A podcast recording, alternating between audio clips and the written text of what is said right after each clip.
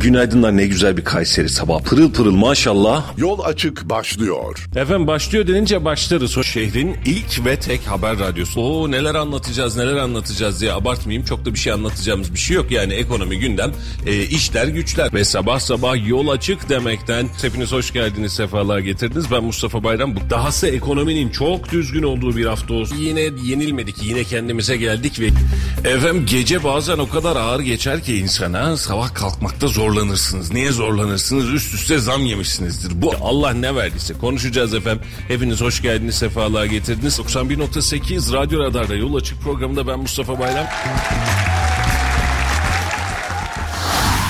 Radyo Radar yol açık başlıyor.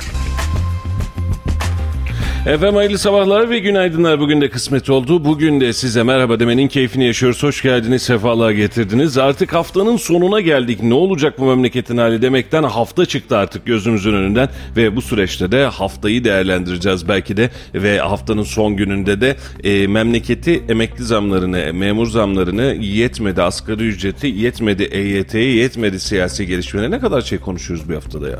Çenemiz mi düşük Halicim biz? Günaydın. Halicim hoş geldin.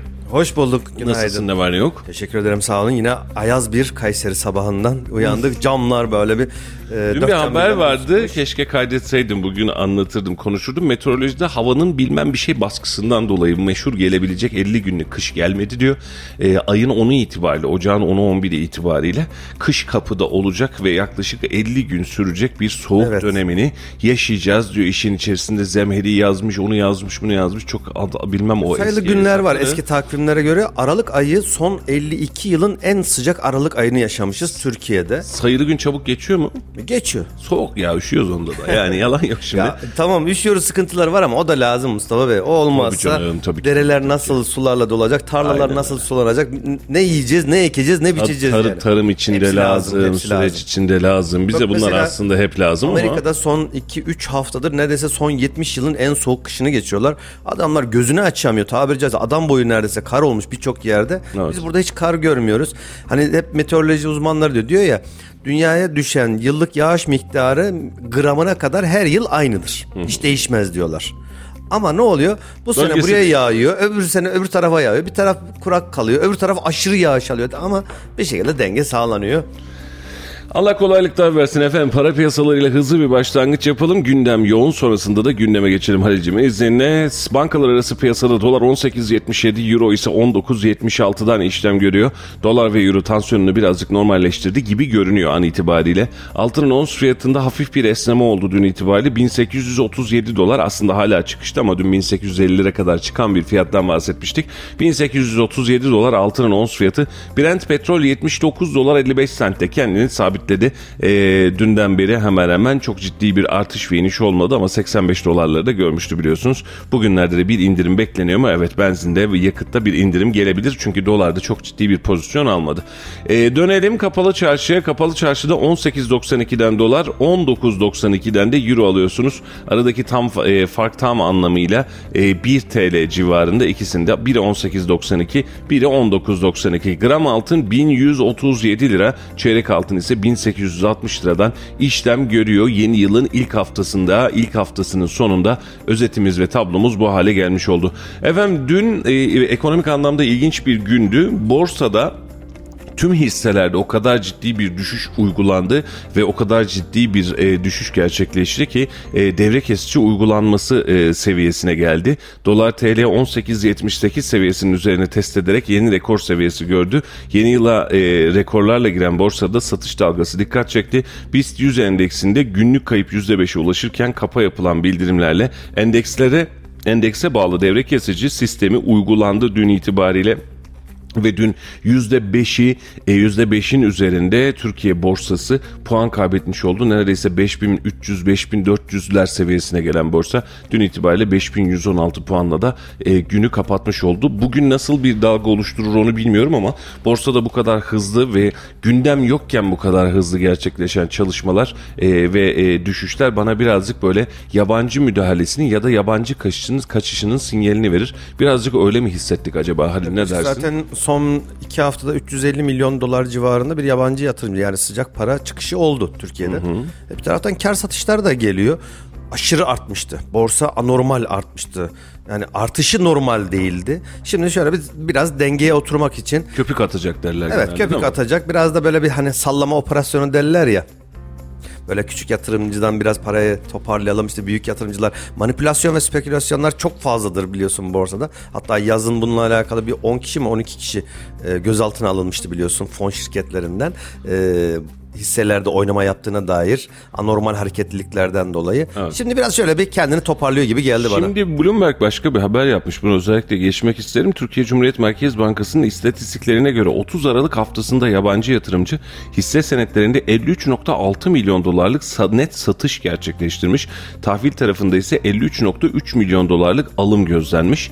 Yabancı borsadan e, satışla çıkmış tahville girmiş gibi görünüyor. Yani rakamlar birbirine çünkü 53.6 milyon dolarlık satış var. Tahvil tarafında 53.3 işlem var. 2022'de toplam 6.2 milyar dolarlık Türk varlığını satmış yabancı. Tamam satmış başka bir şey almış. Yani varlık olarak çıkmış. E, şurayı da okuyayım. Borsada 339.7 milyon dolarlık alımın gerçekleştiği 2 Aralık haftasından beri yabancıların çıkışı devam ediyor. Yurt dışı yerleşik kişiler 9 Aralık haftasında 312.5 milyon dolarlık, 16 Aralık haftasında 193 milyon dolarlık ve 23 Aralık haftasında 325 milyon dolarlık satış gerçekleştirmiş. Yılbaşından itibaren bakıldığında da yabancı yatırımcının borsada satıcılı olduğu gözlemleniyor. 2022 yılında yabancı yatırımcılar 3.95 milyar dolarlık net hisse senedi satışı yapmış. Tahvil tarafında ise 2.15 milyar dolar olarak gerçekleşmiş satış. Ee, yabancı piyasadan çıkıyor gibi görünüyor. Yani görünen tablo bu birazcık da borsada son bir köpürterek param alayım da çıkayım havasına girmiş gibi hissettim. Yatırım tavsiyesi değildir altını çizerek geçeyim. Ee, ama şu an itibariyle borsadaki tablo bu. Efendim memlekette neler oluyor? Memlekette en çok seçimi konuşuyoruz. Sosyal medyanın da gündeminden bizim de gündemimizden düşmüyor. Sinan Ateş'i konuşuyoruz ve dün Altılı Masa'nın e, toplantısı vardı. Toplantı sonrası bir sonuç bildirgesi yayınladılar. E, bunları konuşuyoruz. Öncelikle seçim tarihiyle başlayalım. Erdoğan belki seçim tarihini öne çekeceğiz dedi Cumhurbaşkanı ve AK Parti Genel Başkanı Erdoğan. Partisinin genel merkezinde genişletilmiş il başkanları toplasında konuşmuş E, ve bu konuşmalar esnasında da belki e, mevsim şartlarını dikkate alarak belki biraz öne çekerek Tarihi güncelleyeceğimiz iki- 2023 seçiminin önemini en iyi siz biliyorsunuz. Sural, sular durulmadan olmaz. Öne alınması ile ilgili değerlendirmemiz var. Kamuoyunda ne konuşulursa hepsi gündemimize girer diye konuşmuş. Ee, çok konuşuluyor ama dün altılı masada Halil'cim e, gördün mü dikkat ettin mi açıklamayı okudun mu bilmiyorum. E, diyor ki 6 Nisan'dan önce yapılacaksa seçim biz varız. Çünkü bir önceki seçim yasasını bu sayede e, bypass edebiliyoruz. E, çünkü onun üzerinden biliyorsun 12 ay geçmesi gerekiyor. E, ama seçim yasasını bypass etmeyeceksek biz erken seçim sürecinde hadi bakalım varız demeyiz diyor. Ne dersin? Ee, Çok da anlamlı bulmuyorum açıkçası. 6 Nisan'dan önce şimdi e, 30 Ocak tarihinde bu ayın sonunda e, böyle bir aldıkları kararları açıklayacaklarını Evet, söylediler. yol haritasını söylediler. Yol haritası. E, muhtemelen e, adayı da açıklayacaklardır artık bu ayın sonunda. E, kalmış e, 6 Nisan'dan önce hadi yapalım dedik. Kalmış 2 ay gibi bir süreç. Şubat, Mart. Şubat bile 28 çekiyor ama bu sene 29 çekiyor değil mi Şubat? E, O 4 iki ay- yılda bir meşhur 4 yılda bir bu yıl 4, belki. yılda bir bu, e, bu seneye denk geliyor. E, Şimdi iki ay kalmış. İki ayda kış şartları var. Ağır kış şartları var. Özellikle Kayseri'nin doğusunda. Mitingler, toplantılar, görüşmeler, aday kim olacak hala belirsiz. İki aylık süreç yeter mi size, size göre? Valla normalde 2 aylık süreçte seçim yapmışlığımız var bizim. O erken seçimlerde Erken seçim hükümetin bozulmasında ya da koalisyon hükümetlerinin dağılmasından sonra tekrar bir seçimlere gidildi ama Aynen. onun öncesinde tekrar bir zaten bir seçim havası vardı. Dağılıyor tekrar iki ay sonra bir daha yapılıyor. Ama bu sefer en son seçimi ne zaman yaptık? 2018. Valla e, uzun zamandır erken, yıl oldu. erken seçimi konuştuğumuz için bence piyasada net bir seçim havası var. Erken olması e, mevsimsel olarak da e, hazırlık olarak da birçok kişinin belki işine gelmez ama bu ihtimal masada mı? E, bence masada. Nasıl bir açıklama yapmış e, altılı masa? E, seçimin erken alınmasına yönelik tartışmalara değinilerek geçen sene bir siyasi mühendislik çabası olarak devreye sokulan seçim sistemi ile ilgili yapılacak hiçbir erken seçime destek destek vermeyeceğiz. 2018 seçimlerinde geçerli olan sisteme sistemle gerçekleşecek yani 6 Nisan'dan önce yapılacak bir erken seçime destek vermeye hazırız demiş. Ben de 6 Nisan tarihinin erken olduğunu düşünüyorum. Ee, ama e, bu da iktidarı sıkıştırmak için bence bir başka yöntem. Yani e, istiyorsan 6 Nisan'dan önce hadi yapabiliyorsan yap ben bunda varım ama 6 Nisan'dan sonra yapacaksan ben buna destek vermiyorum diyecek. Destek vermeme durumunda da e, Tayyip Erdoğan'ın çoğunluğu sağlayamayacağı için yandan bir destek bulamayacağını düşünerek söylüyorum bunu. E, çünkü anayasal çoğunluk istiyor biliyorsun. E, meclisi feshederek e, 60 gün süre içerisinde seçime gitmesi e, söz konusu olabiliyor. E, ancak bunu yaparsa bu söz konusu olur. E, o zaman da e, tarihini açıklayacak ve sonra da fesih tarihini açıklayacak ya da feshedip hadi bakalım gidiyoruz ne yapıyorsanız yapın diyecek. Önce Görünen fesheder sonra tarihi açık yürürlüğe girer. Önce fesih. Ha, Ama bizde 6 öyle olmuyor Nisan'da- mesela EYT'yi de önce açıklıyoruz kanun sonra çıkıyor. 6 Nisan e, Perşembe gününe geliyor. O gün seçim yapamayacağımıza göre Bir en önceki erken tabii. tarih e, 2 Nisan pazara geliyor. 2 2 Nisan. O da çok erken bir tarih herhalde değil Bence mi? de çok erken. Ha, Bir de ideali- e, hava şartlarını hesaba katacak olursan E, tabii çok zor. Yani doğuda birçok köy hala o tarihlerde Yollar açılmamış kapalı köyler olan olacak. birçok e, yollar var. Köyler var. Aynen öyle. Nasıl olacak? Seçime katılım çok az olacak. Ee, çok gerçekçi bulmuyorum. Hakikaten hava şartlarından dolayı sadece Kayseri ya da Batı üzerine düşünmemek gerekiyor. Doğuda 2 metre 3 metreyi bulan e, karlar var. O kadar yani sıkıntı o taraf. En erken yine tarih ben yine söylüyorum. E, Nisan 30 ya da Mayıs'ın 7'si gibi. Yani biraz öne alırız dediğindeki kasıt e, herhalde budur. Aynen öyle. E, Valla e, şey bu şeklinde yani bir taraf e, erken alacağız diyor diğer tarafta erken alacağının farkında sadece tarihi şartlar üzerinde konuşuluyor. E, ne olacak ne bitecek acaba diye. E, altılı masa bu anlamda da açıklamalarını e, geçmiş başörtüsü konusunda samimiyet istemiş muhalefete açıkça gelin biz bu konuda sizle hem fikiriz ama bizim tekliflerimizi açık açık alın bunu bir siyasi orta olarak düşünmeyin demiş.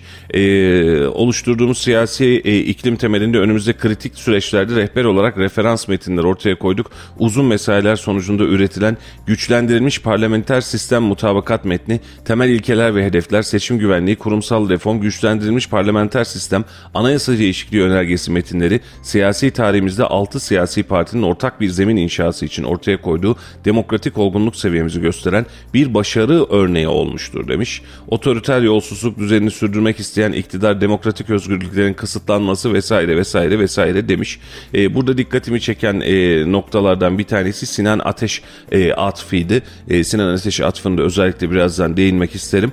E, burada e, şunu söylemiş 30 Ocak, Ocak'ta yapacağımız ortak bir tanıtım toplantısıyla kamuoyunun bilgilerine sunacağız diyor. Geçiş süreci yol haritasını, temel ilkeler ve hedefler metniyle işbirliğimizin dayandığı zemini, güçlendirilmiş parlamenter sistem mutabakat metniyle işbirliğimizin siyasi iskeletini, seçim güvenliği metniyle siyasi sigortasını, e, güçlendirilmiş parlamenter sistem anayasa değişikliği önerisiyle hukuki sütunları kurumsal reform metniyle kurumsal altyapısını açıklayacağız diyor. Yol haritamız ile süreç yönetim mekanizmaz, mekanizmalarımızı da bu anlamda ortaya koyacağız diyor.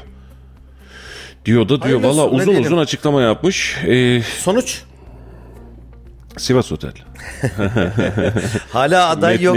Hala ne yapacakları belirsiz. Hala her bir siyasi parti lideri kendini işaret ediyor. Ali Babacan örneğinde en son e, bir, bir tek bu Meral Akşener özelinde yok galiba. Ben aday olmayacağım dedi. Açık ve Evet, net. bir baştan söylemişti söyledi. o. Şu an kararda şunu söylemiş tam da onu okuyordum Halil. E, bir taraftan da metni okuyorum izninle. Buyur. E, diyor ki çetin siyasi şartlar altındayız. Bir yıllık yoğun çabayla ortaya koyduğumuz bu vizyonun hayata geçirilmesinin iki gerekli şarta bağlı olduğunu bilincindeyiz. Ortak adayımızın Cumhurbaşkanı seçilmesi ve Büyük Millet Meclisi'nde anayasa reformu için gerekli çoğunluğun elde edilmesi lazım diyor. Bu temel şartların sağlanabilmesi için seçim güvenliğini sağlayacağız diyor. Ortak bir komisyon tarafından TBMM'de anayasal çoğunluğu elde edebilmek için milletvekilleri seçimlerinde uygulanacak alternatiflerin çalışılması ve nihai kararları vereceğiz diyor. Genel başkanlar arasında da ortak Cumhurbaşkanı adayının tespisiyle ilgili istişarelerin başlamasına karar verdik diyor. Evet. Yani biz artık e, konuşmaya başlayacağız diyor. 26 Adayın- Ocak'ta da İyi Parti'nin ev sahipliğinde e, yeniden bir araya geleceğiz demişler. Bakalım görelim. Ha, buradaki işaret edilen şey e, dışarıdan bir adayın olmayacağı benim anladığım altılı masa içerisindeki parti liderlerinden bir tanesinin aday olacağına dair bir e, durum algıladım. diyorsun? Yani burada o zaman otomatikman hem İmamoğlu hem Mansur Yavaş tarafında sanki biraz bir eleme oldu. O altılı masa o liderlerden biri olacak. Şimdi o liderlerden biri olacaksa en güçlü aday kim? Kemal Kılıçdaroğlu. Doğru yanlış. Benim olmadığım başka. kesin. Doğru ya da yanlış o başka ama e, şu açıklanan metinden açıklanan Metinden nasıl çıkarttın? İçimizden birini e, seçeceğiz. altılı masa içerisinden diyor. Nerede diyor? Benim anladığım o. Meaning from the context denen bir e, Tamam da yok metinden Deyim vardır e, İngilizce'de. senin e, yakaladığın ve benim kaçırdığım bir yer var mı acaba? Yani AK Parti de bunu yakalıyor mesela hep Kılıçdaroğlu olsun istiyor da ben metinden onu yakalayamadım. yok istiyor olarak söylemedim ben. Oradan benim metinden anladığım bu. Vallahi bilmiyorum ben Bakacağız, metinden göreceğiz. öyle bir şey metni dünden beri okudum. E, dün bir okumuştum şimdi yayında okudum. Ben metinde adayımız e, Kılıçdaroğlu olacak ya da Buru olacak diye bir ibare anlamadım. E, bunu da anlamakta bazen de zorluk çekiyorum. Şöyle ki e, Kılıçdaroğlu'nun olmasını isteyen bir e, kesim var. E, bu net bir kesim ve bu kesimin en büyük taraftar grubunu da AK Partililer oluşturuyor. Kılıçdaroğlu olsun diye. E, olsun mu? E, keyfi bilir yani siyasi bir lider, ana muhalefet lideri olabilir. E, olu, olmaya da çalışabilir, olmak da isteyebilir. Bunda anormal bir durum yok ama altılı masa biz Kemal yani bu anlamda bir açıklamaya bu, bu mihvalde bir e, sürece gitmemiş işin açıkçası. Onu görmeye çalışıyorum. Hatta mesela e, toplantımızda demiş ayrıca gündemdeki siyasi ekonomik konuları ele aldık. İstanbul Büyükşehir Belediye Başkanı İmamoğlu hatta toplantıda bu raporda yer vermiş kendisine. E, yer verilmiş. Hakkında verilen siyaset yasağında içeren ceza hükmü yargının siyasallaşması son çarpıcı örneği olmuştur demiş.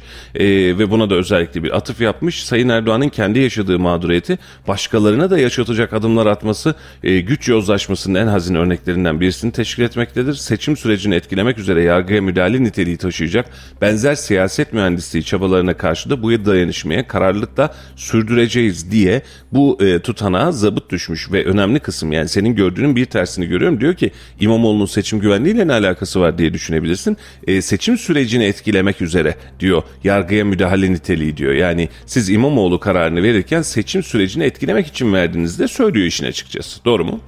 Yani eğer buradan metinden anlayacaksak ben burada ha, demek ki böyleymiş diye anlarım. Peki. Ne zamandı? 26 diyor. Ocak mıydı?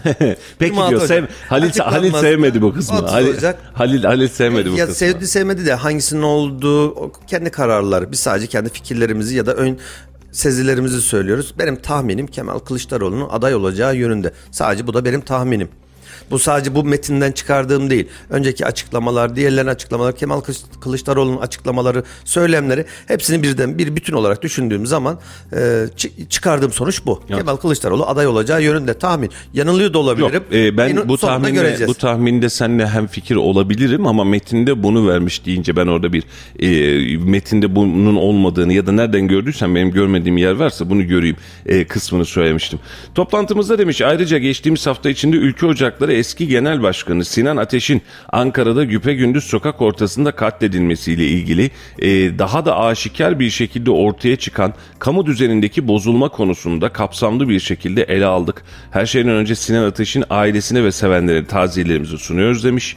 Bu vahşeti ee, daha da vahim kalan hususu ise cinayet sonrasında başta Cumhurbaşkanı, İçişleri Bakanı, Adalet Bakanı ve MHP Genel Başkanı olmak üzere ilgili yetkililerin derin bir sessizlik içine girmeleridir. Daha önce siyasilere, akademisyenlere ve gazetecilere yönelik saldırın, e, saldırıların faillerinin hiçbir ceza almadan serbest kalmalarının da verdiği cüretle kendileri gibi düşünmeyen herkese saldıran çetelerin elini kolunu sallayarak gezdiği, mafyatik yapıların karşılıklı infazlar gerçekleştirdiği bir ülke, e, bir ülkede kamu düzeninden ve demokratik hukuk devletinden bahsetmek mümkün değildir.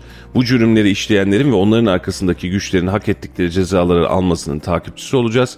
Kimse ülkemize her kesimden gençlerin feda edildiği 70'li yılların karanlıklarında ya da 80'li yılların darbeci 12 Eylül şartlarında da 90'lı yılların faili meçhullerine de yeniden geri götürmeyecektir demiş.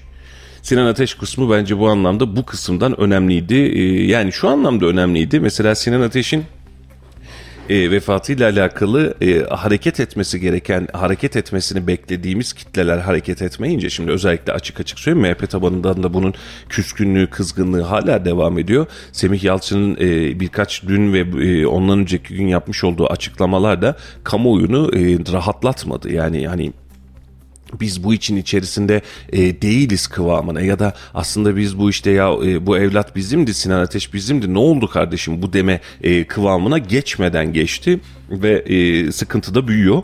E, Sinan Ateş cinayetinde de bir taraftan da Emniyet Teşkilatı çalışıyor. Firari ismi yakaladılar ve tutuklu sayısı 10'a çıktı diye de bir haber geçmiş. Sinan Ateş'in öldürülmesine ilişkin aralan Doğukan Ce- Çep Bay Beykoz'da yakalanarak gözaltına alındı. Dodo lakaplı Çep'in cinayetin azmettiricisi olduğu öne sürülüyor. Soruşturma kapsamında ikisi özel harekat polisi 4 kişi daha tutuklandı. Böylece tutuklu sayısı 10'a ulaştı. E, cinayeti işleyenlerin arasında iki kişi de özel harekat polisi. Ya da işin içinde olanlardan. Yani yakalanan kişilerden ikisi özel harekat polisi. Soruşturma İlginç. kapsamında iki kişi de Sonuçları özel harekat enteresan yerlere kapsamında. gidecek gibi geliyor. Yani e, Çep'i de yakalamışlar. Çep'in de ağzı burnu dağılmış. Onu da sansürlemişler hatta e, fotoğrafı e, yaparken e, gönderirken. Kim acaba bu çocuk? Valla e, Twitter'da bununla alakalı çok e, farklı malzemeler var. Yani e, Bilmiyorum araştırmadığım için okumadığım için bilmiyorum. öyle. Neyin nesi bilmiyorum. Tetikçiyi Ankara'ya iki polis getirdi demiş. E, tetikçi EÖ'yü Ankara'ya getirdikleri iddiaları e, getirdikleri tespit edilen polislerin saldırı planlamasında bizzat rol aldıkları iddialar arasında yer almış. İstanbul'da yapılan saldırı planı doğrultusunda tetikçi EÖ'yü Ankara'ya getirmek için e, siyah bir minibüs ve şoför organize edilmiş ancak iki isminde suç kaydı var. Yolda polis tarafından durdurulma ihtimaline karşı şüphe çekmemek için iki polis zanlıları Ankara'ya getirmekle görevlendirilmiş. Minibüste Ankara'ya gelen zanlıların saldırının gerçekleştiği Çukurambar semtinde iki gün boyunca keşif yaptığı ve Sinan Ateş'i takip ettiği belirlenmiş. Cinayetin işlendiği noktada yolların dar olması nedeniyle motosiklet kiralayan zanların uygun anı bekleyerek e, saldırıya geçtiği belirlenmiş. Burada birazcık e, farklı söylentiler de var. Ali. E, mesela bunun işler var. araştırılması, bunun ortaya çıkartılması lazım. İsmi geçen e, MHP içerisindeki milletvekillerinden bir tanesinin iki gün önce İçişleri Bakanı ile bir görüşmesi var. E, yetmiyor. Yani görüşebilir tabii ki. Yani herkes görüşebilir. Bu anlamda bir sıkıntı yok. E, günden saldırı gününden bir gece öncesinde e, normalde e, Sinan Ateş'in e, emniyet tarafından e, kendisine tahsis edilen aldığı tehditler nedeniyle tahsis edilen koruması var. Bir gece öncesinde koruma iptal ediliyor. İlginç. Bir de böyle bir veri var. Yani nereye gidiyorsa, e, kime çıkıyorsa, ucu kime dokunuyorsa inşallah bir an önce e, tespit edilir, yakalanır, ortaya çıkarılır ve gerekli cezalar alınır diye umut ediyorum. 10'la çıktı tutuklu sayısı. Gözaltı 17 miydi? 18 kişi gözaltı. 10 tanesi tutuklandı. Kime gidiyorsa, ucu kime dokunuyorsa, bu işlerden kimler sorumluysa bir an önce inşallah adaletin önüne çıkarılır. Valla bu kadar rahat yapabilecek miyiz? Bu siyasi konjektürde bu kadar rahat hareket edebilecek miyiz bilmiyorum. Ee, Sevgin Bilgin yazmış. Bunlara emir veren kim onları bulmadıktan sonra Bunların yakalanması hiçbir şey ifade etmez. Sinan Ateş'in kalemini kim kırdı onu bulmak lazım. Ee, gerçekten fikiriz. herkesin herkesin gönlünün içerisinde daha doğrusu aklının ucunda bir senaryo yatıyor. Ee, bu senaryo o kadar derinleşiyor ki ya bazen senaryoyu düşünürken düşündürülen senaryo bile bir film olabilir miye kadar geliyorsun işin içerisinde. Ee, ama yine açık söyledim. O gün de söylemiştim. Bugün de söylüyorum. Yine de söylemeye devam edeceğim. Sinan Ateş kolay kolay ülkenin gündeminden düşmeyecek.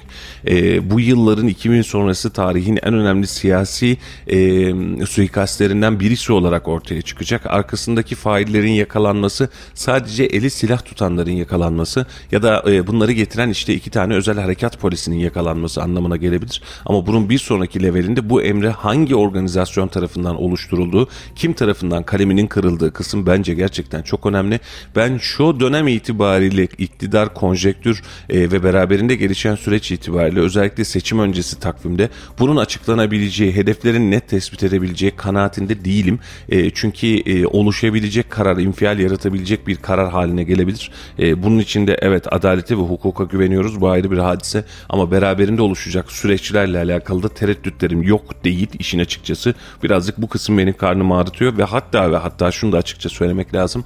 MHP'nin taziye vermemesi hani biz burada yanlış anlaşılmasın MHP'yi fail olarak görmüyoruz ya da böyle bir noktasal bir atış yapmıyoruz. Bunu söyleyecek bir kısım varsa bunu söyleyecek kısım adalettir. E, ama şunu çok rahatlıkla söyleyebilirim. MHP'nin e, halen e, dün bile mesela MHP teşkilatı beklenti halindeydi. Perşembesinde bari taziye verelim. Hani en azından bunu yapalım diye bir taziye vermemesi bu sürecin karşısında e, konuşulan yapılan açıklamaların bile böyle mesajlar içererek, subliminal başlıklar içererek e, ortaya çıkartılması e, bence ayrı bir muammadır. E, bunun altında kalmamak adına net bir duruş sergilemekte gerçekten fayda var. E, yoksa dediğim gibi yani seçim tarihi erkene mi alınsın, geçe mi alınsın diye konuşuyoruz. Seçimi boş ver bu mevzunun içinden nasıl çıkarızı konuşacağımız günler gerek AK Parti için gerek MHP için önemli bir problem haline gelecektir. Altını çizerek söylüyorum. Yani bu problem çözülmezse seçimle alakalı problemin birçoğunu sil baştan yeniden ele almak gerekebilir diye düşünüyorum. Halicim. Evet. Doğru söylüyorsun yani ucu nereye gidiyorsa kim e, bunun kararını verdi, kim o emirleri verdi. Tetikçi yakalamak e, dinleyicimizin söylediği gibi tetikçi yakalamanın çok bir anlamı yok. Ona o emri veren kimler, hangi kararlar, hangi merciler, sebep sonuç kimdir? Ucu nereye gidiyorsa gitsin. Ortaya çıkarılsın. Yani bizim o 90'lı Bu bizim için yıllarda özellikle adalet duygusu için çok önemli. 90'lı yıllarda çok fazla faili meçhul cinayetler oldu. Çok fazla. Rakam e, yanlış aklımda kalmasa 15 bin 16 bin kişi gibi asit kuyularında, trafik kazalarında, silah sıkmalarda, kafalara sıkmalarda yani çok önemli insanlar Uğur Mumculardan, Hablemitoğullarından, Eşref Bitlislere kadar çok fazla hem siyasi hem de e, diğer konularda çok fazla e, faili meçhuller oldu. E, Ve uzun zamandır da yaşamıyorduk bu tarz şeyleri belki 20 yıldır. En son Hablemitoğlu 99 muydu 2000 yılı mıydı? E, o zamandan beri de neredeyse yaşamıyorduk. Tekrar yaşandı. E, Rabbim rahmetini esirgemesin. Amin. Başka bir şey ama inşallah da ucu kime dokunuyorsa en tepeye kadar bir an önce cezasını çeker inşallah. Diyelim. Valla en büyük temennimiz o. e, Temennimiz bunu o. oluşturmak lazım ki vatandaşın ülkesine, hukukuna, adaletine güvenini bir kez daha temin etmiş olalım ve gencecik bir adamın suçu ne olursa olsun, neyle suçlanıyor olursa olsun iki çocuğun, iki kız evladını arkada bırakan böyle bir adamın e, infazını ve infazının bu şekliyle gerçekleştirilmesini legal kılabilecek hemen hemen hiçbir mevzuat yok. Bir suç varsa ortaya çıkartırsınız, bir suç varsa atarsınız, gelirsiniz, edersiniz. Hepsinde aynı süreç. 2009 yılında Muhsin Yazıcıoğlu şehit edildi. Failleri bulundu mu? Hayır. Bu da böyle bulunmayacak demiş Sevgin Bey. Ee, doğrusunuz. Ee, orada da aynı sıkıntıyı yaşadık. En son FETÖ'ye yıktık ihaleyi. Ee, Muhsin Yazıcıoğlu'nun şehit edilmesiyle alakalı ve bununla alakalı süreç de hala e, gönlümüzde taptaze. Yine böyle bir e, soğuk 15 bir soğuk bir kış döneminde seçim öncesinde oturup ne oluyor derken e, şurada hemen yanı başımızda e, gerçekleşen bir helikopter kırımını e, saatlerce bulamadık. E, orada e, İHA'daki e, kardeşimiz Allah rahmet eylesin İsmail kardeşimiz İsmail son Güneş. son canlı bağlantısıyla canlı canlı can verdi tabiri caizse. Kendini anlatmaya çalıştı, kırığını anlatmaya çalıştı, olayı anlatmaya çalıştı. Ee, ve bu siyasi suikast ki çok çok daha büyük bir siyasi suikastı. Bu siyasi suikastinde ne failini yakaladık ne arkasında durabildik. Ee, ama e, burada da tabii ki önemli söylüyorum. Muhsin Yazıcıoğlu e, fikri fikriyatı, siyasi görüşü ve süreci itibariyle e, bugün itibariyle Muhsin Yazıcıoğlu'na rahmet dileyen şehadetini anan insanlar o gün itibariyle de Muhsin Yazıcıoğlu'nun e, adım atmaması için, hareket etmemesi için, söylem ortaya koymaması için de elinden geleni yapmıştı. E, bu anlamda da evet ölünce e, kör ölür badem gözlü olur diye meşhur bir hikaye var bilirsin. E, bu insanlar e, hayatlarını kaybettiğinde, şehit olduklarında, e, suikaste kurban gittiklerinde onları anıyoruz ve çok sahipleniyoruz gibi görünüyor. E, ama bu insanların e, ulusalcı, bu insanların memleketçi, bu insanların vatansever fikirlerini dahi almaktan imtina ediyoruz. Üşüyoruz reis yazmak yeterli olur gibi geliyor. E, ve bu insanların fikirleri, geçmiş fikirleri ve yeni dönemde bu tarz insanların yeniden e, dişlinin çarkları arası- arasında ezilmemesi için de tabiri caizse hiçbirimiz hiçbir şey yapmıyoruz. E, bu da bizim için bence e, bir ayıp olarak yeter. Allah gani gani rahmet eylesin her iki isme de. E, ama e, bugün itibariyle öldü öldükten sonra da bak aslında şöyle de bir adamdı demenin bir anlamı yok. Yaşarken bizim insanlara sahip Kıymetini çıkmamız lazım. lazım. E, yaşarken fikirlerinden istifade, istifade etmemiz lazım. Bilgilerinden, duruşlarından istifade etmemiz lazım. Öldükten sonra e, biz de aslında çok severdik demeyi tercih ediyoruz. E, vefa da böyle bir şey değil. e, sahip çıkmak da böyle bir şey değil. Mesela 1993 17 Nisan Evet. Ee, rahmetli Turgut Özal'ın ölümü. O da inanılmaz derece soru işaretleriyle şaibeli bir şekilde hayata veda etti. Yani 90'lı yıllar hakikaten e, Türkiye açısından çok karanlık yıllar. Aynen öyle. Çok karanlık. Yani kimler gitmedi ki? Gaffar Okkanlar gitti. Vali Beyler o zamanki e, Yazıcıoğlu. Yazıcıoğlu gitti. Yazıcıoğlu. Yani o kadar fazla insanı, komutanı, askeri vesairesi o kadar fazla insanı gözden çıkarttık. Gazetecisi, aydını bu insanların tamamını e, bir yerlerle oynuyor, bir yerleri Sivas. kurcalıyor, bir yerleri rahatsız ediyor diye e, sürekli olarak bir akış haline getirdik. E, Sivas yani o Sivas zaten başka bir hadise. Bambaşka. E, yani bu anlatma yıllardı. Gerçekten Yıllar. kötü yıllardı ve yeniden aynı karanlığa dönmeyi gerçekten bu millet istemiyor. Biz karanlığın içerisinden çıkmak istiyoruz. Aydınlık bir döneme geçmek istiyoruz. istiyoruz. E, ve bu anlamda da devletin seçmiş olduğumuz hükümetin ve devletin e, en önemli hükümetten bağımsız olarak da devletin en önemli görevi varsa bir suçlu bunun failini yakalamak varsa ve yapabiliyorsa suçu suçun öncesinde engelleme çalışmasını istihbarat çalışmasını e, dengeleyebilmektir. Sinan Ateş'le alakalı da şunu da söylemek lazım. Gelen birçok veride bu var. Kalemi kırıldı, şöyle olacak, başına işler gelecek, ortada durma, yurt dışına mı çıksan diye onlarca şey gündem öncesinde konuşulmuş. Günlerdir aslında bu konuşuluyor ve birçok insan da olaya vakıf. E, buna rağmen bunun önleyici aksiyonunu niye alamadığımızı da oturur bir kez daha sorarım. Yani herkes biliyor düşünsene başına iş gelecek, Halil'in başına iş gelecek. Ben biliyorum bak söylüyorlar filan diyorsun ama Halil'in yanında durmayı reddediyorsun. Burada da bir sıkıntı var sanki Halil'ciğim Kesinlikle. Bir zafiyetimiz var. Efendim dönelim yeniden genel siyasete. Halkların Demokratik Partisi HDP'nin kapatılması istemiyle açılan davada Yargıtay Cumhuriyet Başsavcılığı'nın partinin hazine yardımı bulunan hesaplara bloke konulması talebi Anayasa Mahkemesi'nde görüşüldü. Buna göre AYM HDP'nin hazine yardımına geçici bloke konulmasına karar vermiş. Ee, önemli o- olarak son dönemlerde bunu konuşuyorduk biliyorsunuz. Ne olacak bir de bu insanlara hazine yardımı yapacağız diye. Mevzuata göre HDP'ye bu sene 179 milyonu 10 Ocak'a 10 Ocak'a kadar olmak üzere 539 milyon hazine yardımı yapılacaktı. Yargıtay Cumhuriyet Başsavcısı Bekir Şahin HDP'nin temelli kapatılması istemli davada terör örgütüyle organik bağlantının devam ettiği hazine kaynaklarının e, terör örgütüne aktarıldığı gerekçesiyle partinin hazine yardımı bulunan hesaplarına bloke konulmasını istemiş. Kararda ol çokluğuyla geçici bloke olarak e, yardım hesabına HDP'nin hazine yardımı hesabına e, karar verilmiş. E, bu daha hayırlı uğurlu olsun. Ama burada takıldığım noktayı şöyle söyleyeyim e, Halil. E, karar doğru bir karar mı sence? Doğru ama komple niye kapatmıyorsun? Devamı bu. Madem böyle bir organik bağını sen tespit ediyorsun, bunun e, terör örgütleriyle ilintilerini sen ortaya koyuyorsun. E, savcının bir tanesi çıkıyor iddianame hazırlıyor. Mahkeme kabul ediyor. AYM'ye gidiyor. O da kabul ediyor. Her şey ortada. E, o zaman kapatın gitsin kardeşim. Ya da bilmediğimiz başka bir şeyler mi var? Bak çok güzel söyledin. Yıl içerisinde bu sene toplamda 539 milyon lira hazine yardım alacakmış HDP. Ve devlet eliyle yardım ediyorsun. Sen terörle Bunu iktisaplısın diyorsun. siyasi Bir de partilerin, yardım ediyorsun. siyasi partilerin belli bir kriteri, belli bir oy oranını almış herkese yapıyoruz bunu. E, bu 539 milyon küçümser kalıyor. Diğer partiler daha büyüğünü alacak. Bu cepte dursun tamam. E, hazine yardımı niye yapılır siyasi partilere? Şunun için yapılır. Siyasi partiler seçim çalışmasını yaparken bir harcama yapacak. Bu harcamayı gidip de Halil'den almasınlar. Çünkü Halil'den alırlarsa ve kazanırlarsa Halil'e daha sonra borçlu olurlar. Geri vermesi gerekiyor. Geri vermesi gerekir. Devletin imkanlarını sunması gerekir. Bunu başka bir yerden çıkartmasın diye hazine yardımı aslında temelde bunun için kullanılır. Ee, ama burada şu an şunu söylüyoruz. Ee, HDP'nin HDP'nin hazine yardımına bloke koyalım. Yani vermiyoruz demiyoruz bak. Sana hazine yardımı verdik ama sen şu an parayı kullanamazsın. Seçimden önce HDP'yi kapatabilir miyiz? Bilmiyorum.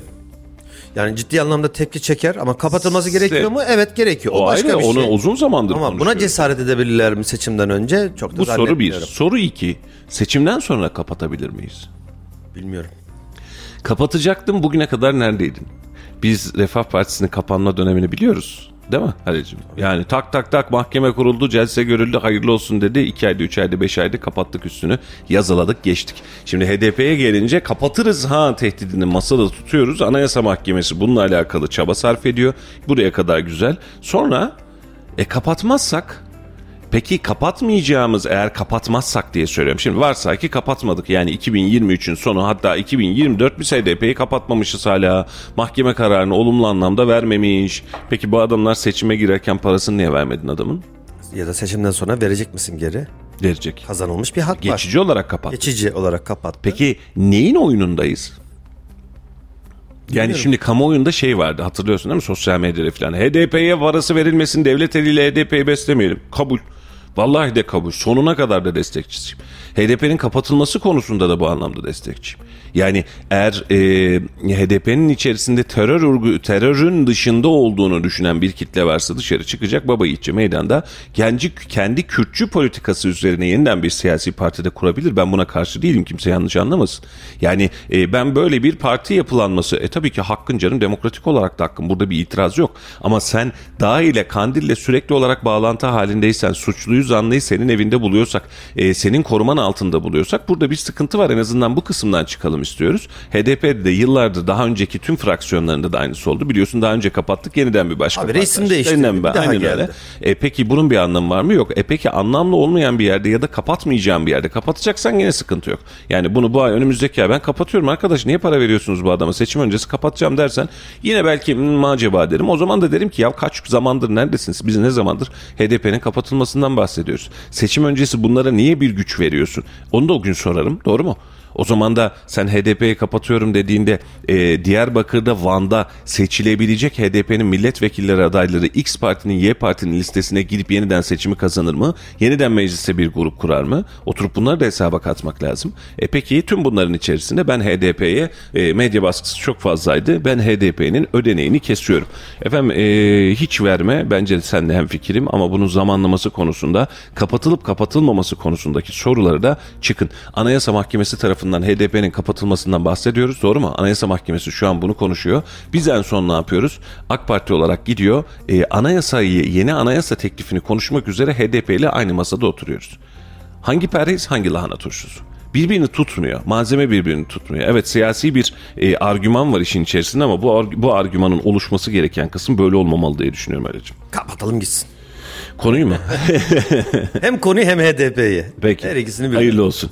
Efendim e, birkaç ekonomik başlıkta daha geçip sonra hemen yerele doğru dönmek istiyorum izninizle. Yeni evim kampanyasında en yüksek faiz 0.99 olacak denmiş.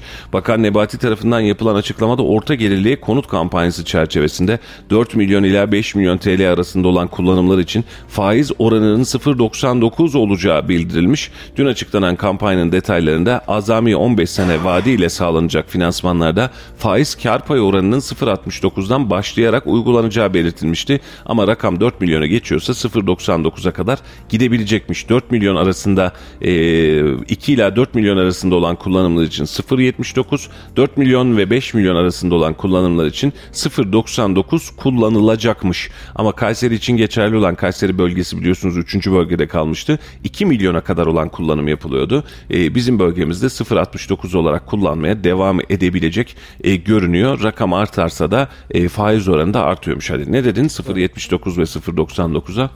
Zaten yani şimdi İstanbul'da bir ev alacaksa 5 milyonu gözden çıkartacak o zaman da 0.99 uygulayacak. Tabii o zaman tüm hesaplamalar hani sosyal medyada sürekli geziyordu. Hem biz Yalan oldu hepsi. yapıyorduk. Tüm hesaplamalar değişti. Önce %25 zam yapıp da işçiye, memura, emekliye yaptıktan sonra ertesi gün 30 olup da yaptığımız tüm hesaplar çöpe gittiği gibi şimdi yine tekrar gitti. Tekrar bir daha bir daha hesaplamalar yapmamız gerekiyor.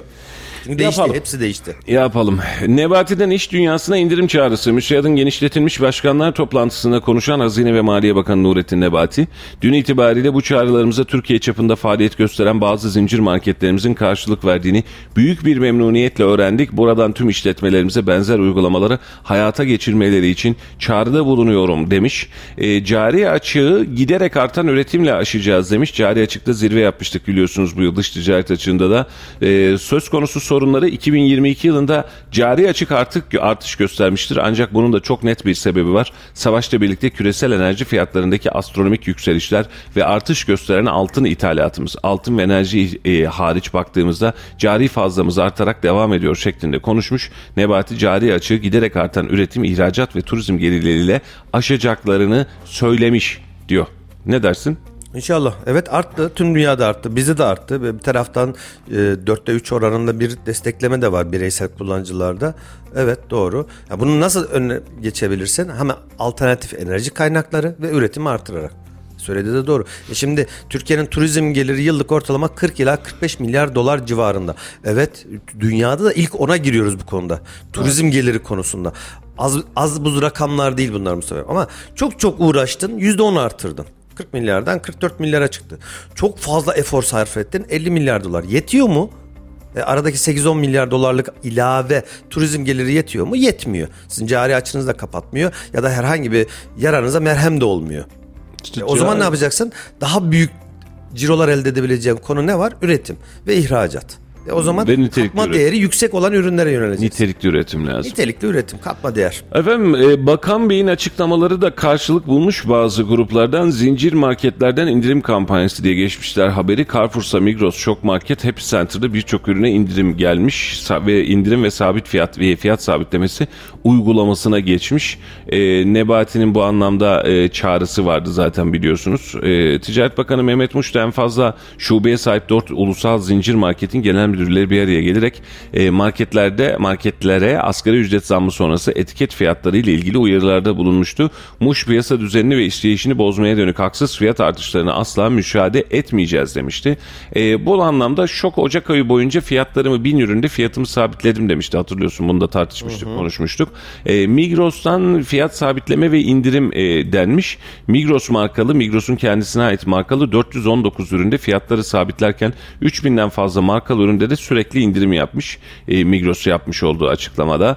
Carrefour'sa artık Kayseri'de kalmadı ama %40'a varan indirim yapacağım demiş. E, gıda ve gıda dışı ürün kategorilerinde 20 bin üründe %20'den %40'a varan indirimler uygulama kararı almış.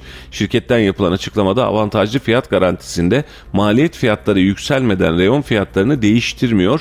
Tedarikçiden gelen indirimleri müşterilerimiz lehine yansıtıyoruz. Temel gıda, et, taze e, meyve sebze gibi müşterilerimizin öncelikli ihtiyaçları olan ürün kategorilerinde ve bu ve benzeri kampanyaları sürdürecek tüketici dostu indirimleri hayata geçiriyoruz demiş.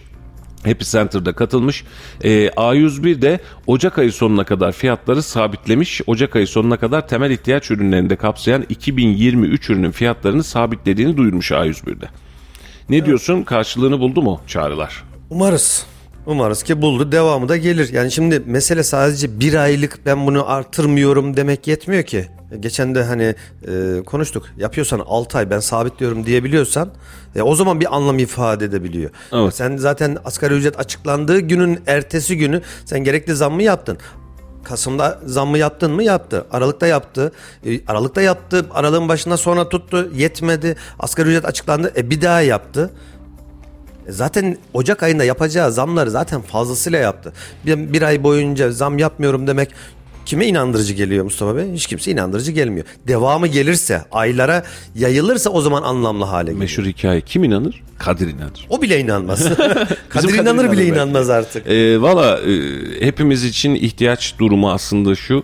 E, fiyatların asgari ücretteki işçilik oranıyla artmasını artık normal karşılamak zorundayız gibi hissediyorum ama e, dün mesela şeyi gördüm. E, birkaç sayfada var. 9 liralık ürün 9.90 olmuş şimdi tamam mesela. 9 liraymış. 9 lira, 9.90 olmuş. 9.90. E, yine devam ediyor fiyatlar artıyor filan diye bir eyyamcılık var işin içerisinde. E, fiyatların artmasını artmamasını beklemek herhalde bu anlamda bir e, çok akılcı olmaz. Çünkü işçilik maliyeti artmış. İşçilik maliyetiyle beraber herkes otomatik olarak tüm maliyetlerini değerlendiriyor. Ama e, dediğine şu anlamda katılıyorum. Bakan Bey'in de yaptığı açıklama aslında bu. Diyor ki fahiş arttırmayın fiyatı. Arttırabilirsiniz. Tabii ki arttıracaksınız ama fahiş arttırmayın. Yani 1 liralık üründü. Efendim zam geldi 3,5 lira yaptım ya deme ya. Yani bak bunun karşılığında şöyle oluyor. Özellikle piyasada dengeleyici güçsen, tekel güçsen, büyük güçsen, piyasanın büyük pazarı sendeyse insanlar seni görüp aa demek ki bu fiyat olmuş hadi biz de arkasına düşelim diyor. Bu anlamda tedbirleri haklı olarak görüyorum. Ee, ama beraberinde hiç fiyat artmasını, hengamesine de anlam vermekte zorluk çekiyorum. Hiç artmaması diye bir şey olmaz. Zaten mümkün değil. Yani, yani enflasyon yüzde bir bile olsa bırakın 80'i yüzü bir bile olsa demek yüzde bir artacak. Evet. Bu başka bir şey. Ama e, orada e, Bakan Bey'in söylediği gibi fahiş fiyat artırma. Bak dün daha e, bir markete girdim. Benim çocuk da seviyor bazen bu e, dana jambon ya da füme. Böyle 100 gram 150 gramlık paket. Bir yıl önce ne kadar alıyordum biliyor musunuz Mustafa Bey? 13 lira 14 liraya alıyordum. 12 liraya alıyordum. Bazen kampanya yapıyorlar. Bak 12-13 lira 100-120 gramlık bir dana jambon. Kaç lira olmuş biliyor musun? 48 lira. Bak bir yılda Oldu. dörde katlamış. Oldu. Şimdi bunu nasıl açıklayacağız? Neyle Açıklaması yok açıklayacağız? canım. Ben sadece şunda takılıyorum. Hangi Bak fikirle, şimdi, ekonomiyle e, açıklayacağız? Şunu söylemeyeyim, ürün de söylemeyeyim. Ben 17.95'miş fiyat 19.95 olmuş. bir üründe. Ne? Ee, söylemeyeyim onu. Yani yer belli olmuş olur. Aynen 17.95 19.95'e çıkmış. Aradaki Ee, fark 2 iki TL, lira. 18 Ee, lira, Şimdi 2, 6'da biri %15 gibi bir zam. e, yani tablo bu. E şimdi ne kadar zam yapıyorsunuz bak fahiş fiyatlar demenin bir anlamı var buna. Yok. Bence yok. Şimdi e, her ay %10 yapıyorsa sıkıntı var. Yok hem fikirim. Ha bak bunu şöyle yapsın mesela 6 yapacaksak. ayda bir %10 yapıyorsa sorun Aynen yok. Adil'cim bak bunu yapacaksak şöyle yapalım. Aralık ayındaki market fiyatlarının envanterini çıkartalım. Ocak ayında bir de Şubat ayında bakalım. Şubat ayına geldiğimizde Aralık ayındaki fiyatın üzerine %50'yi %60'a koyduysa da bu ürünleri bakın buyurun hep beraber gelin teker teker ifşa edelim. Ne oluyor kardeşim bu diyelim ben varım. Hatta şunu sorgulayalım ifşa edelim derken neyin arttı ki senin maliyetin sen %60 fiyat arttırdığını soralım. Burada da sıkıntı yok. Mesela dolar mı arttı kardeşim? Brent petrol yakıt ulaşım maliyetin mi arttı? İşçilik maliyetin mi arttı? Tamam buna da kabul. Doğalgaz maliyetin arttı mı? Yok geçen seneler duruyor. Elektrik maliyetin arttı mı? Yok indirim bile geldi. O zaman sen bu fiyatı niye arttırıyorsun diye soralım. Ama vatandaştan ricam özellikle hani devletin bu anlamda yaptığı politika değil bu vatandaşın uyguladığı bir hadise. Yine gittik fiyatlar artmış. E bir zahmet artacak. Ama ne kadar arttığı ve bunun sürekli olup Önemli olmadığı ile alakalı bir problemimiz var. Bu konu üzerine birazcık fokuslanmak lazım. E, yoksa diğer türlü sıkıntı yaşıyoruz. Bak mesela dünden beri listeleri paylaşıyoruz. Sabah da yeni listelere geldi. Sigara gruplarının tamamında zam gelmiş durumda. Yani ortalama 3-4 lira 30 lira olanlar 33-34 liraya çıkmış. İşte 30, 34, 35, 36 civarında olanlar 38 liraya çıkmış. Şu an itibariyle e, ortalama olarak piyasa kullanımındaki sigaraların geneli 34-35 lira civarında. 30 liranın altına bir Ee, sigara kaldı mı? o- Bildiğim yok. kadarıyla yok. Yok sarmalık tütün kalmış lazım mı? Verim abi. ne vereyim abime?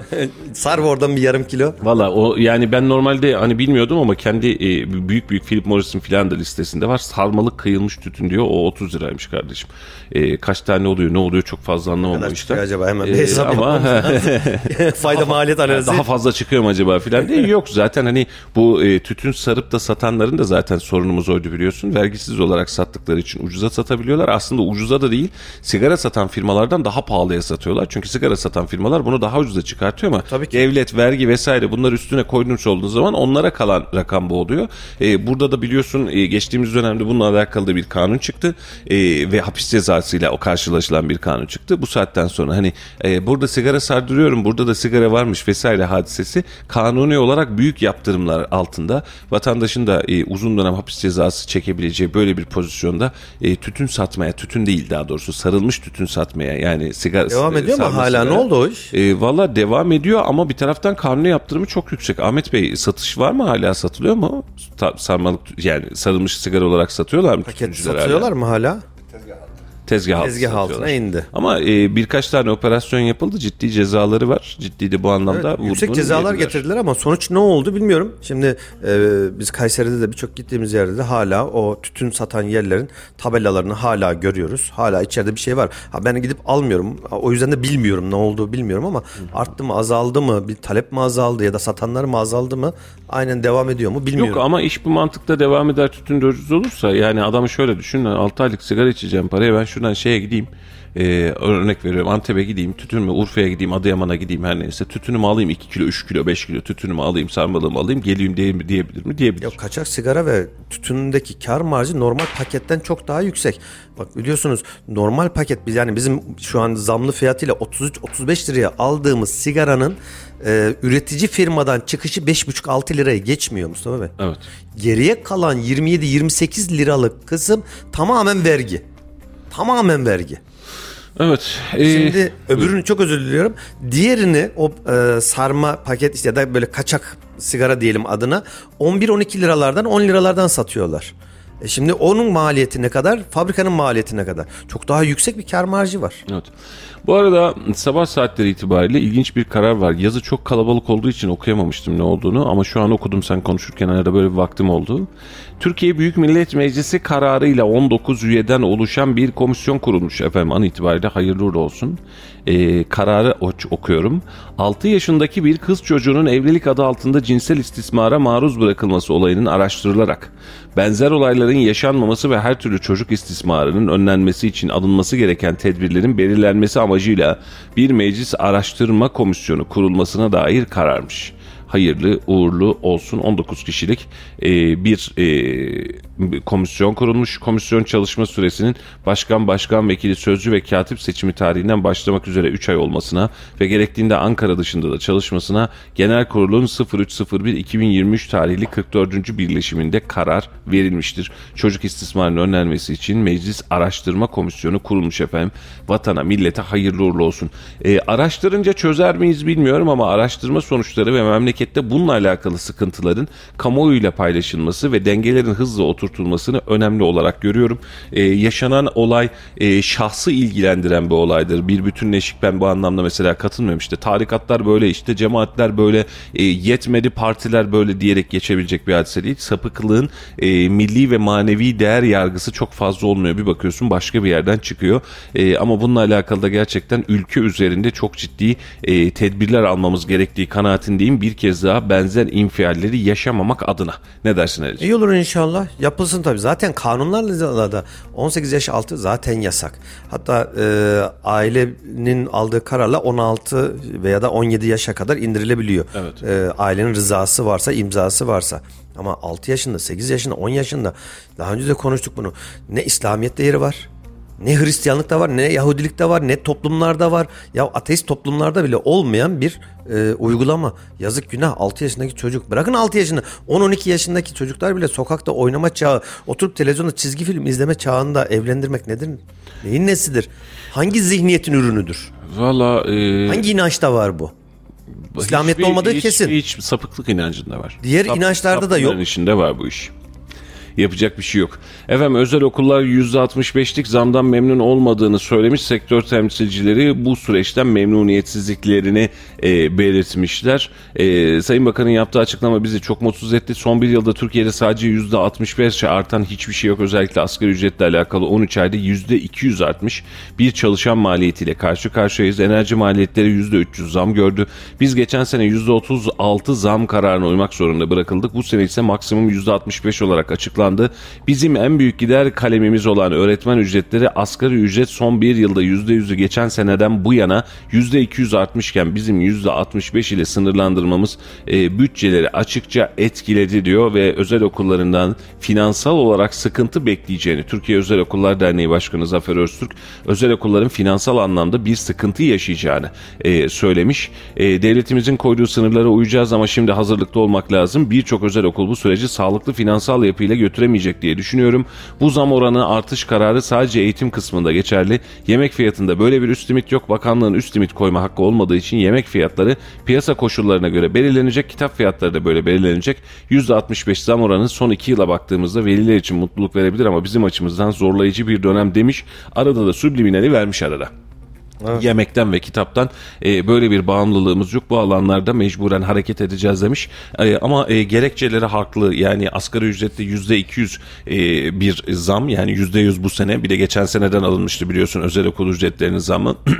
Yüzde 200 yüzde 300 civarında maliyet dengeleri şimdi ısınması, asgari ücreti yem, yani bunların hepsi artarken geçen sene yüzde 36 arttır. Bu sene de yüzde 65 en fazla arttırabilirsin diye e, başta da söylemiştik. Bunun çok sağlıklı olmadığı kanaatindeyim ben de. E, ama e, özel okullarda bu sürecin içinden çıkmaya çalışacak. Nasıl becerecekler bunu da çok fazla bilmiyorum. Mutlaka. Şimdi bir taraftan da özel okullarla alakalı en büyük sorunlardan bir tanesi de çalışan öğretmenlerin maaşlarıyla alakalı e, sıkıntılar. Evet. Biliyorsun e, eskiden yani eski dediğim bundan 20 yıl 25 yıl öncesine kadar özel okulda çalışan bir öğretmen normal öğretmenin belki iki katı üç katı maaş alıyordu. Hatırlayın. Evet. Ya da dershanelerde o zaman dershaneler vardı. Sonra adı eğitim kurumu oldu ya da bir şeyler oldu. Adı değişti ama bizim eski dilimizle dershanelerde çalışan öğretmenler normal e, milli eğitime bağlı öğretmenlerden çok daha yüksek alırdı. Şimdi iş tam tersine döndü. Asgari ücretin bile altında çalışan öğretmen arkadaşlar var. KPSS'ye girmiş, öğretmen olarak atanmaya çalışıyor, atanamıyor. E bir taraftan hayatına devam etmesi gerekiyor, çalışması gerekiyor. E mesleği öğretmenlik, gidiyor özel okullara müracaatlar ediyor. Bakın yani Ne verirse de razı oluyor. çok acı şeyler de ben şahit oldum. Tabii mesleğimiz gereği birçok özel okul. Kayseri özelinde söylemiyorum. Şehir dışında da ben yaklaşık 4-5 yıl çalıştım biliyorsun e, Mustafa Bey. Evet. Ve oralarda da yine mesleğimizi icra ederken birçok özel okulun yönetimleriyle ve e, öğretmen alımlarına şahit oldum. Orada iki kelimeyi bir araya getiremeyecek kadar konuşmaktan aciz ama cebinde milyar milyar TL'ler para olan para babası ticaret zihniyetiyle gelen patron okulun patronu karşısında mühendislik seviyesinde dahi bir bilgi birikimine sahip olan öğretmene hitabı konuşması öyle bir içimi acıttı ki. Evet. Bunu bir bir yerde değil birkaç yerde şahit oldum. İçim acıyarak neredeyse ağlamakta hale geldim. İşte Pa- paranın e, konuşması. evet para konuşturur efendim. Evet. Yapacak bir şey yok. Efendim İl Sağlık Müdürü Mehmet Erşen Bey e, bizde e, bir haya bir açıklama yaptı. Kayseri'de bir açıklama yaptı. İldem'de yapılacak yeni hastane bölgeyi rahatlatacak dedi. E, bununla alakalı artık proje kısmı e, hemen hemen tamamlandı. İldem bölgesinde 200 yataklı bir hastane projesi söz konusu. E, ve e, bunun da geçtiğimiz 23 Temmuz'da proje ihalesi yapıldı. Geçtiğimiz günlerde bakanlıktan bir heyet yerinde inceleme yapmak üzere şehrimize geldi dedi ve İldem'e de bu 200 yataklı hastanenin e, yapılacağı ve başlangıcı müjdesini verdi. E, bu arada Sayın Mehmet Erşan'la yaptığımız görüşmede özellikle bunu belirtmek isterim. E, ultrason tomografi gibi sıralarda biliyorsun ciddi bir yoğunluk vardı. E, hatta bunların süresi 5,5-6 aya yaklaşır süreçlere kadar gitmişti. E, bununla alakalı tedbirler işe yaramış. Aralık ayı itibariyle biliyorsun bir ihale verilmişti. E, bunların okunması ve birikimin sağlanması ile alakalı. Mehmet Bey diyor ki Ocak sonuna kadar normal asgari süreye yani bir haftanın içerisinde tomografi, ultrason ve sonuçlarını alma sürecine doğru ineriz. Şu an sıraları her geçen gün azaltıyoruz. Gün geçtikçe daha fazla sıra çünkü sürekli araya e, girerek yapıyoruz. Acillerde zaten bir sıra yok. Onları direkt yapıyoruz. Bu problemi de kalıcı olarak çözmüş olacağız dedi. Böyle de bir müjde verdi. İnşallah sonucumuz e, bu anlamda hakkımızda hayırlısını olur. Tomografi cihazları ya da röntgen cihazları çok mu pahalı? Çok pahalı. Ne kadar mesela? E, milyon dolarların üzerinde. E şimdi bu kadar büyük hastane Alınmış zaten. Şu an Bu bir tane daha. MR cihazı Şimdiye alınmış. kadar niye alınmadı ve hani bazen bizim e, sayfamıza da geliyor 3 ay sonrasına, 6 ay sonrasına, 1 yıl sonrasına verilen randevuları görüyoruz. E, Birçok şeye kaynak Sebebi şu, aktarabiliyorsunuz. e, Bunu Halil'cim, iki tane daha almak Cihazdan değil problem, okumadan bir problem var. Yani ultrasonun çekilmesiyle alakalı bir problem yok. Ultrasonu hemen aldırabiliyor. Hatta tüm kapasiteyi aldırabiliyor. Bunun Tomografi raporlanması lazım. Belki ultrason daha kısa sürülüyordur belki ama Tomografide de aynı durum. Şu an bir MR'da e, özellikle bir sıra sıkıntısı vardı. 3 cihaz varmış. 4'e çıkmış zannedersem ya da 2'ymiş 3'e çıkartılmış. Burada da kapasite tamamlanmış. E, hadise şu. e, gelen yapı ve mevcut yapı itibariyle şimdi e, müdür bey diyor ki pandemi dönemi sonrasında gün ortalaması 7000-8000 hasta bakıyorduk. Şu an itibariyle 15 bin hasta bakıyoruz. Yetmiyor. Kanuni boşluklar vardı. Malpraktis davaları var doktorların. Belki duymuşsundur. E, doktorlar senin kolun ağrıyor mesela. E, ne olur ne olmaz diye ayağı bir tane de ayak röntgeni çekelim mi diyor. Bu davaya sebebiyet vermemek için doktorlar sökeye, köşeye sıkışmış vaziyetteydi. Bundan kaynaklı olarak bizim doktorlar da bu iş yükünü mecburen arttırmışlar. Hal böyle olunca diyor ki kapasite bir anda beklenmediğimiz bir süreçte yaklaşık 3 katına çıktı diyor. 3 katına çıkınca da bunun okunması, tayimin edilmesi, yeniden toparlanması ve sıra bindi. Biz de bakanlıktan rica ettik önümüzü açın dedik 6 aylık herhalde yanlış hatırlamıyorsam bir satın alma süreci gerçekleştirmiş. Niçin? E, yeterli hekim de yok. Hekimler de şu an alınmış. Niçin? Sen çektiriyorsun. Bunun birinin raporunu yazması lazım. Şurada şu göründü, burada bu göründü diye. Rapor yazılamadığı için iş bekliyor. Doktor da raporu görmediği için, raporun Karar sonucunu almadığı veremiyor. için karar veremiyor. Bu birikintiyi de şu an itibariyle çıkartıyorlar. Artık dediğim gibi bir MR cihazı daha eklenmiş durumda işin içine. Haklısın ama tepkinde. Ben daha önce de söylemiştim. Yani bu çok uzun vadeli bir operasyondu. Temennim sadece şu. Operasyon bitmiş olsun. Yani tamam e, bu, bu vakte kadar çektik mi çektik. Tamam artık 10 günde 5 günde biz bu işin sonucunu alabiliyoruz dedikse bu saatten sonra da önümüzdeki yılda bir sonraki yılda artık bu kıvamda gidelim. Yani bu dengeyle gidelim. Çünkü denge bozulunca vatandaşın canı sıkılıyor ve sağlığıyla oynuyoruz. Yani canı Umarız bir an önce çözülür. zaten. Şu an itibariyle ay sonuna kadar da biteceği kanaatinde.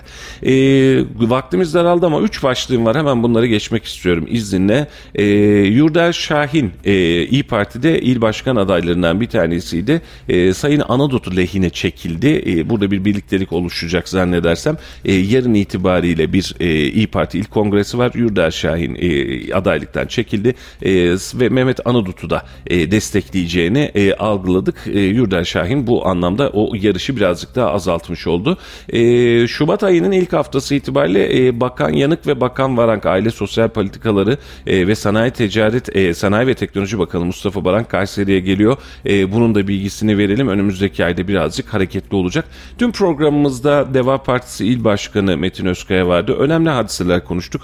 E, dinleme takip etme şansın olduğunu bilmiyorum. E, Deva Partisi'nin bu e, son dönemdeki açıklamalarını da konuştuk. Yayının tekrarı ve yayınlarımızı sayfalarımızdan bulabilirsiniz. Sedat Kılınç'ın adaylığı ile alakalı konu benim için gündemde önemliydi. E, arkadaşlar da sağ olsun haberini geçmişler. Ya Sedat Kılınç devalı oluyordu az daha geldi. Genel başkanla görüştü. Aynı gün İyi Parti'de rozet taktı. E, daha sonrasında da ya kendi kendilerine gelin güvey olmuşlar. Nasıl oluyor bu dedim. Hatta görüşme sonrasında yayın sonrasında da bir miktar elimde e, malzeme oluşmuş oldu. Sedat Kılınç'ın kendisinin ulaştığını, kendilerinin daha sonra onu ziyaret ettiğini, destek vermek istediğini, rozet takılacağını, rozet takılmak için hadi gidelim dediğimizde ya rozeti bir süre takmasak mı dediğini, genel başkana gittiğimizi, e, genel başkana karşı da bu övgüleri çok rahat yaptığını. Bana biraz müsaade ederseniz İyi Parti çok ısrar ediyor. Bir oraya da gitmem gerekiyor.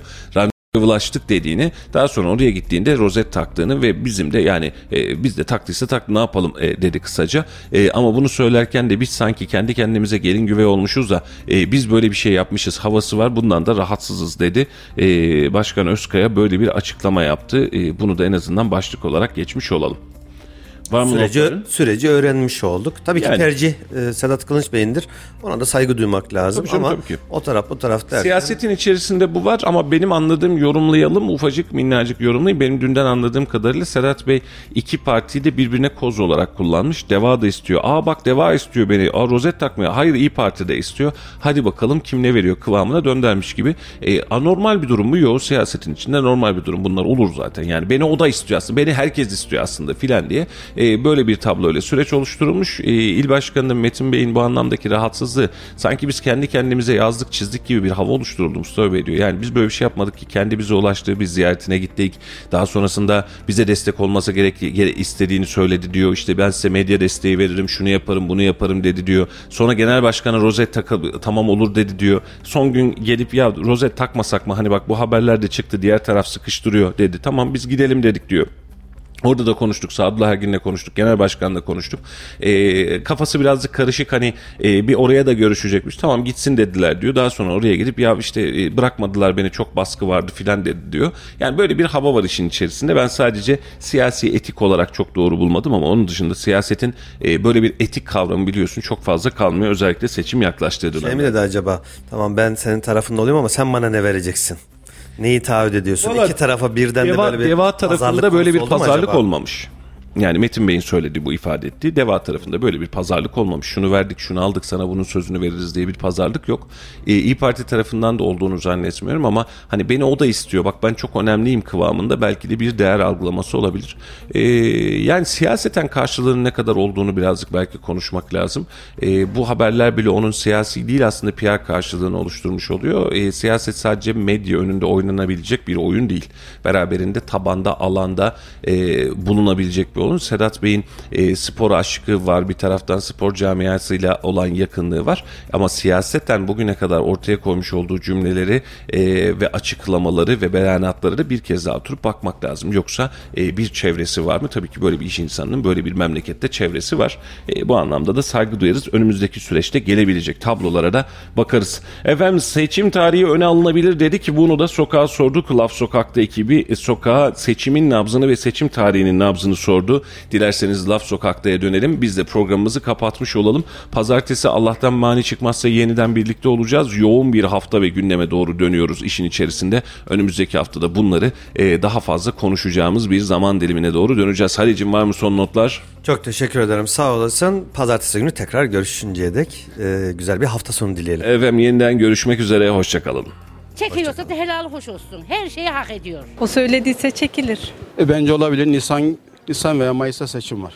Er geç bir seçim olacak ama ha önce olmuşsa sonra olmuş. Seçim tarihi öne çekilirse de bizim için çok bir problem yok. Kafamızdaki belirlediğimiz düşünceler belli yani. Cumhurbaşkanı Recep Tayyip Erdoğan seçim tarihi öne çekilebilir dedi. Siz bu konu hakkında ne düşünüyorsunuz? Sizce seçim tarihi öne çekilir mi? Çekilebilir neden çekilmesin ki? Ya hiçbir sakıncası yok. Bence kimin ne olduğu daha iyi olur ortaya çıkar. Boş konuşmamış olurlar karşı taraf. Bence neden çekerler? Her şeyin ortaya çıkmasını istiyordur Recep Tayyip.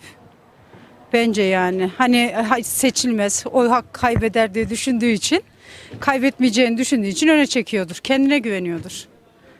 Benim düşüncem öyle. Benim için fazla bir değişiklik olmayacak. Zaten bütün adaylar aynı benim gözümde. Ülkenin gidişatı hep aynı kalacak adaylar değişmediği sürece.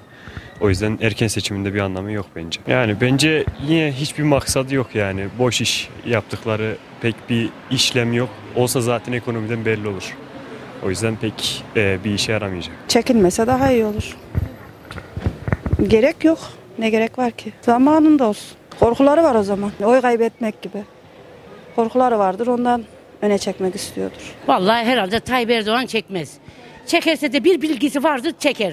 Çekiyorsa da helal hoş olsun. Her şeyi hak ediyor. Her yönden e, arkasındayım. O söylediyse çekilir. Bence herkes kimi seçecek konusunda yani kime oy verecek konusunda bilinçli olduğunu düşünüyorum.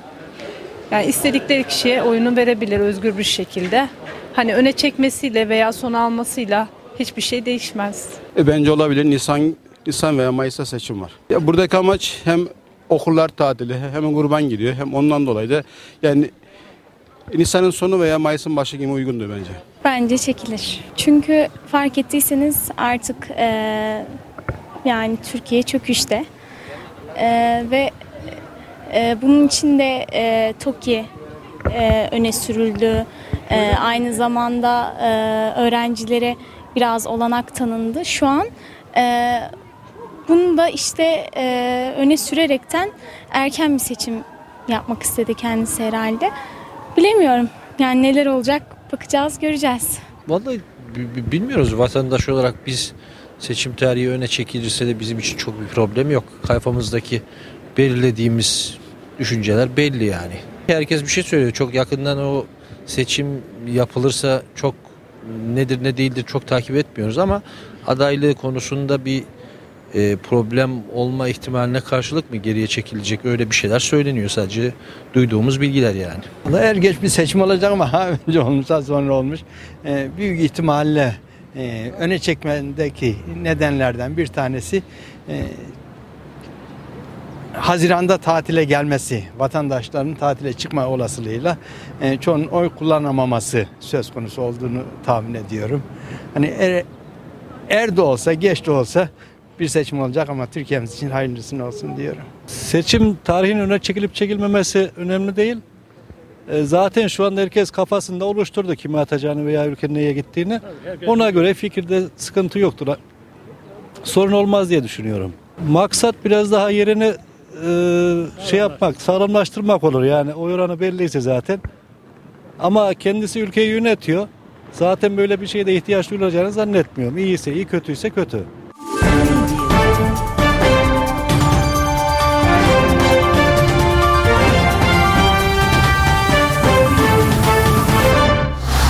Radyo Radar yol açık sona erdi.